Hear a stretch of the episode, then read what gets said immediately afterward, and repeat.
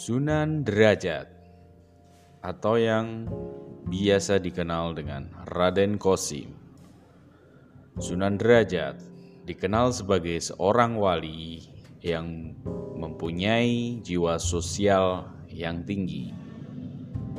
Beliau banyak memberikan pertolongan kepada anak-anak yatim piatu, fakir miskin, dan orang sakit perhatiannya yang sangat besar terhadap masalah sosial.